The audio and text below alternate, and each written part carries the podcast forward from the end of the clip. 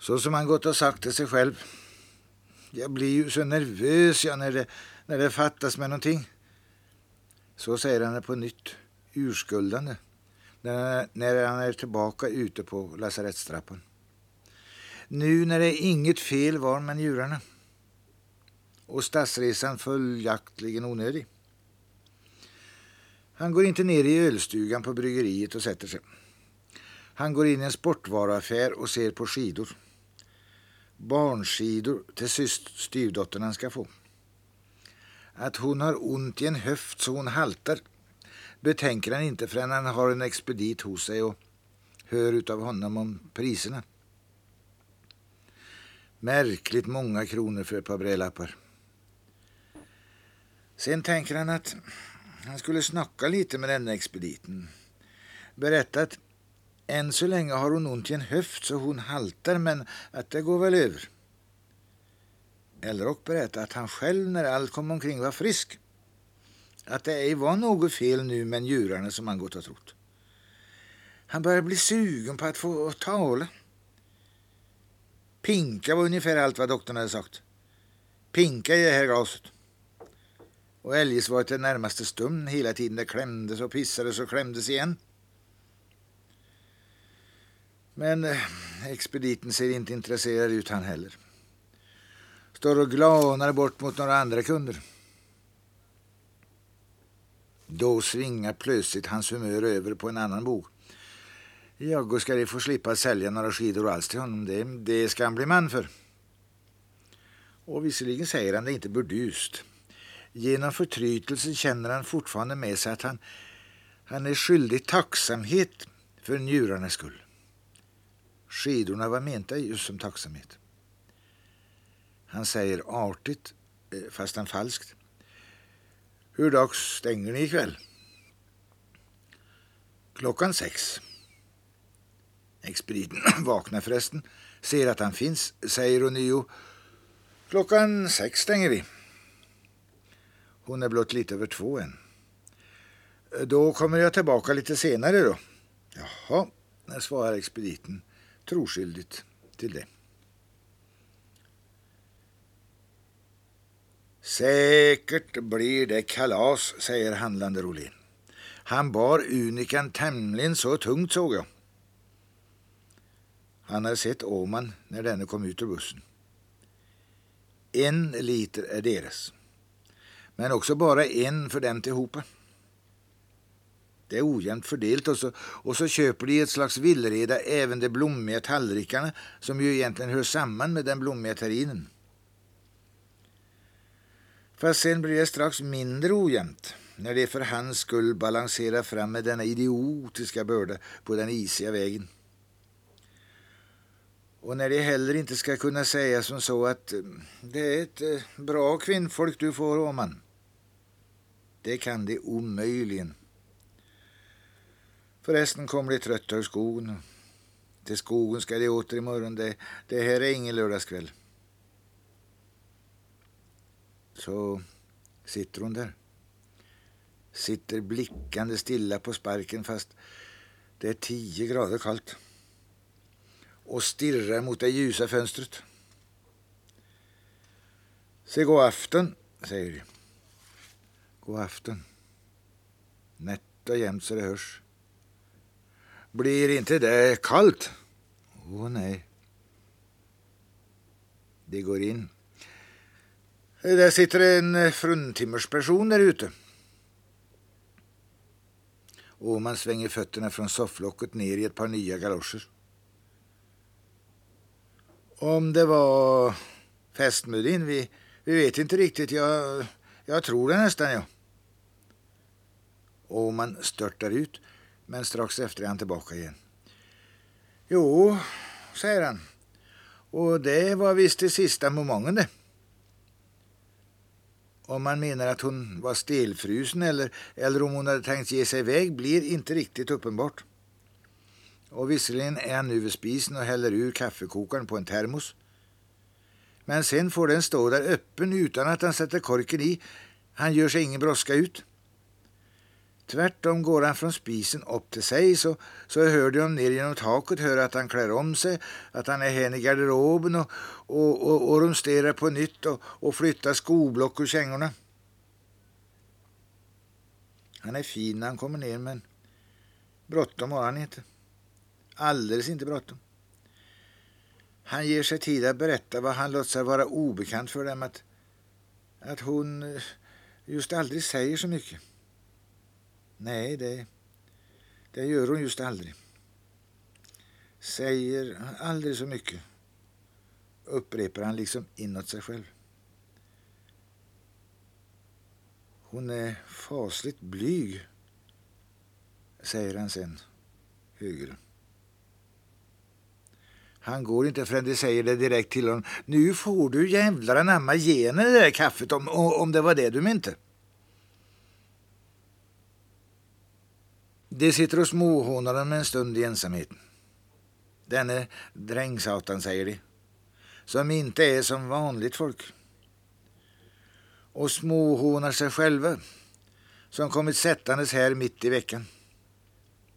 Fast så roligt hade det väl inte blivit ens en lördagskväll. Hakar fler samtalskrokar i Åmansö om flickungen han får på köpet utan all sin förskyllande värdighet verk av en vägarbetare istället för sex, sju år sedan. Han som till sist la dynamit i käften när han inte mötte stort annat än barnavårdsmän vart helst den än snodde sig. Hela bakskallen klaskade i barackväggen. Vidare säger de Få se om inte Junker Åman ställer det lite onödigt krångligt för sig. Har ställt det krångligt redan det tycker också tycker sig ha märkt att det, ibland är det som om han ville bli beundrad på något vis. Som om han hade rättighet till någon sorts beundran. Det talar om strax före jul, om, om kvällen före Lucia. Ungarna hade hastigt fått en ny lärarinna och skulle vara där en timme tidigare och sjunga sånger och gå med ljus. Det var första gången någon sett att Edith stod och glodde utanför Åmans fönster.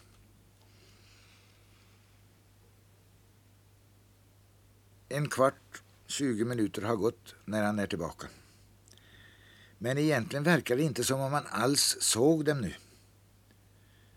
Utan som om han är kvar på vägen. Genom mörkret. Tills han säger hon är väldigt beskedlig.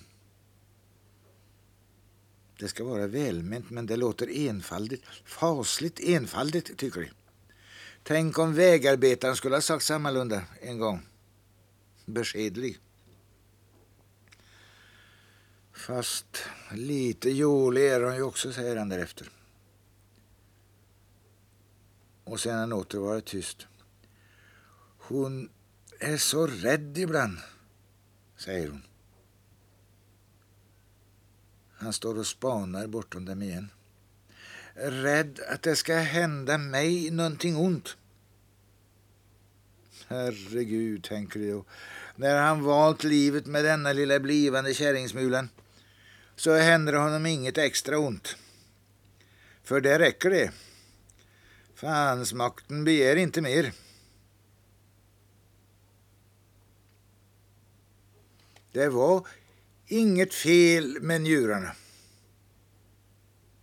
För fjärde, för femte gången ikväll är han tillbaka på lasarettstrappan. Går den utför, går ölstugan förbi, är i sportbutiken. Det skulle nog grunna där inne, säger han, varför jag aldrig kom åter som jag sa. Men med ett spasmodiskt försök att att äntligen bli en intressantare värld, eh, säger han så. Tänk att den i alla fall blev 35 år. Och utreder att hela förra sommaren och hela hösten utöver och, och kring jul har han inte trott det. Gör sin ensamhet och sin oro och sin vänlöshet så, så långa nu Ty brännvinsdrivet vemod pulsar inom honom. trots terriner med de granna rosorna. Skulle du förresten inte se lite närmare på den, föreslår Albert när han följt Åmans blick. Och spakt svarar Åman, jo, hon kommer säkert att, att tycka om den. Men det är inte hennes mening Albert vill ha. Och han tycker det, det här brännvinet smakar ont och så, och så blir porslinsgåvan mycket för mer än Åmans litrar. Han blir påstridig det Åmans meningen var. Åman förnimmer den andres vaknande ilska och, och gör den heder han kan åt servisen. Annars eh, har vi ju inte så mycket än. Det hörs förringande på något vis. Kanske sitter han och menar att det, att det kommit med för lite hovor. Säg bara ifrån, domderar Borggren. Så kan vi... Detta i sin tur låter för tvärt. Albert lägger ena näven över Borggrens mun. För Åman har säkert inte menat någonting i den stilen. Jag menade för sjätte gången. Nu när jag vet att jag inget fel har på njurarna så ska nog allting ordna sig. Med en stor skriker han. Det är ju för den sakens skull, för idel tacksamhets skull, skidorna. Lika plötsligt avbryter han sig. Fyller tyst glas efter glas, det rinner över. Nu knappt hörs han när han muttrar. För jag blir ju så nervös jag när, jag, när jag går och tror. Nu ger du fan i njurarna, skriker Albin nästan så högt som Åman nyss. Och det super vi på, instämmer Manuel. Ja, drick du Åman, säger Albert. Drick du också säger det varmt, allt utslätande varmt. Men redan säger nu Borggren.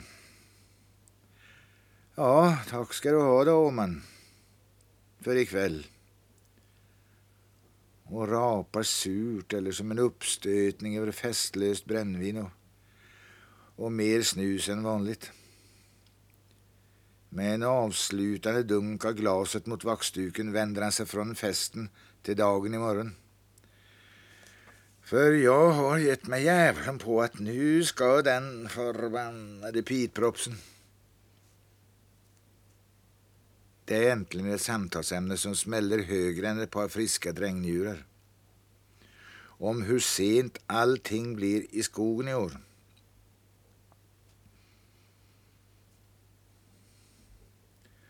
Åman har ingen skog. Men han är enveten i sin tro att han ska få. Han har sänt än en femkroning till den skäggige spåmannen i Holland. Rox Roy, Emma Strat, Den Haag. Ljus står det oomkullrunkeligt på de maskinskrivna pappren. Att framtiden är ljus Tur i kärlek, står det. Och en lycklig händelse. Nu senast pengar att förtjäna. Och det kan inte gärna vara något annat än en skogsaffär. Ljus. Fast så ser ju verkligheten inte ut. Så ser den odisputabelt inte ut. Verkligheten, det är Antingen övertas svärföräldrarnas egendom, dålig arrendeegendom. Fortsättande på inre högröstheten ger han sig till att berätta för dem om nio sånt som ni vetat mycket längre än han. Att det ju egentligen är ett ynkvärdigt folk han får på halsen. Att, att det väl då vore bättre, antar han, och, och vädjar till deras medhåll, till, till deras intresse nu någon gång. Det vore väl bättre om dessa gamlingarna blev som ett slags hemmajon här. Att han så gott först som sist menar han försöker få denna egendom på arrende. Denna där han nu är dräng. Han är bjuden det om, om än på tämligen hårda villkor. Ta dem hit, både, både gubbkräk och, och, och kärringstockar. Hälsem den stumma bruden min. Ja, hon, hon kan ju inte tänka sig att skilja sig från dem. Han får inget svar. Då blir han åter med ens arg. Det kan gott ha en mening om det här. Kan gott höra på ett slag. Eftersom det ju är han som spenderar brännvinet. Och åtminstone höra kan de Om det lass han ska till att dra. Att det jävlar i mig blir annat än pitprops det. Skriker och är på en gång vrensk och gråtfull i rösten.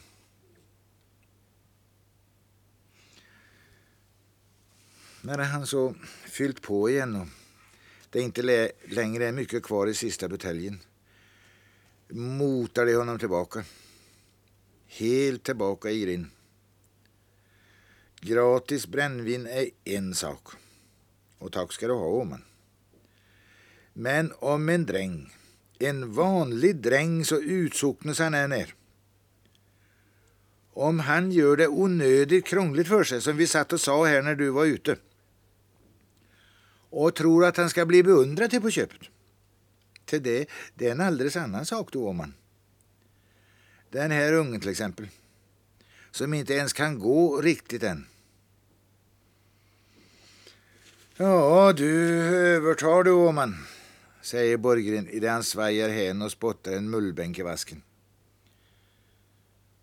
Hoppas du tänkt dig för, understryker Manuel som nu på något underligt vis är på väg upp ur fyllan.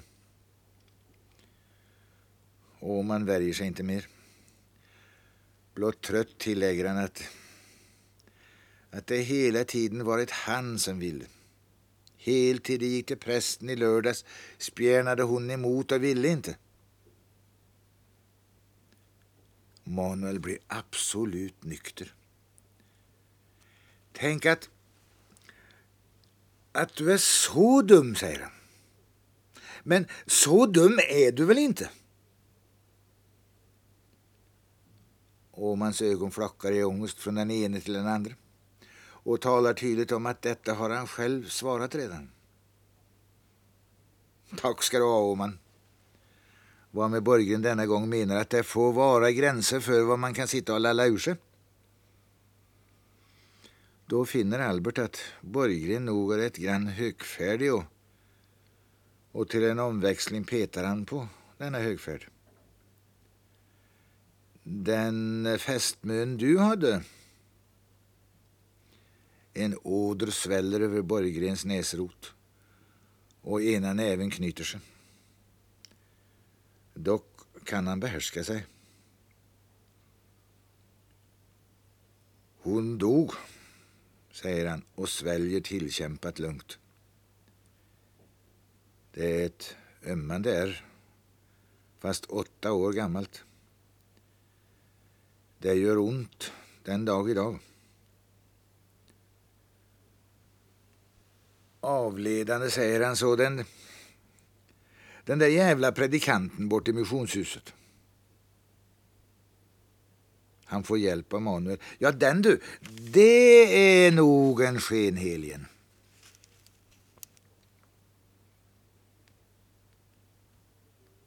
Än en gång hörde Åman sätta fram sin person eller rättare sagt far sin. Jag minns inget vidare av honom. Han dog så tidigt han också. Sen gifte mor om sig och då, då blev jag kvar hos släktingar tills jag gått ur skolan. Sen dog mor. Styvfar skulle ha en egendom, blev det sagt. Dit skulle jag. Men när jag kom så var egendomen bara tagen på skuld så jag, så jag kom ut som dräng och och dräng har jag allt sedan dess förblivit. Han tystnar ett litet slag. Därefter säger han som i början av kalaset. Tänk att den i alla fall blev 35 år. Han ser på de fyra anletena hur fasligt lite spännande det är detta han berättar. Han häller i åt dem den sista brännvinsskvätten. Och ett sista ryck är de artiga, trött artiga.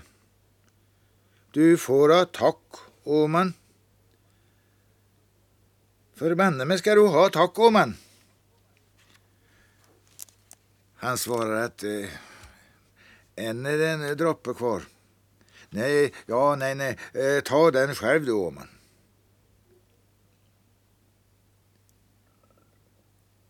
I ensamheten har han Hollandsskäggets spådom fram igen. Lite grann flyter raderna ihop, men de ser inte sannare ut för det. Och visserligen ska han skriva på nytt, bestämmer han. Men dessa sidorna river han tvärs över så länge. Tvärs över än en gång och än en gång. Han byter på fötterna och tar på sig de blanka galoscherna. Lägger sig på soffan och tittar ner i glansen från dem.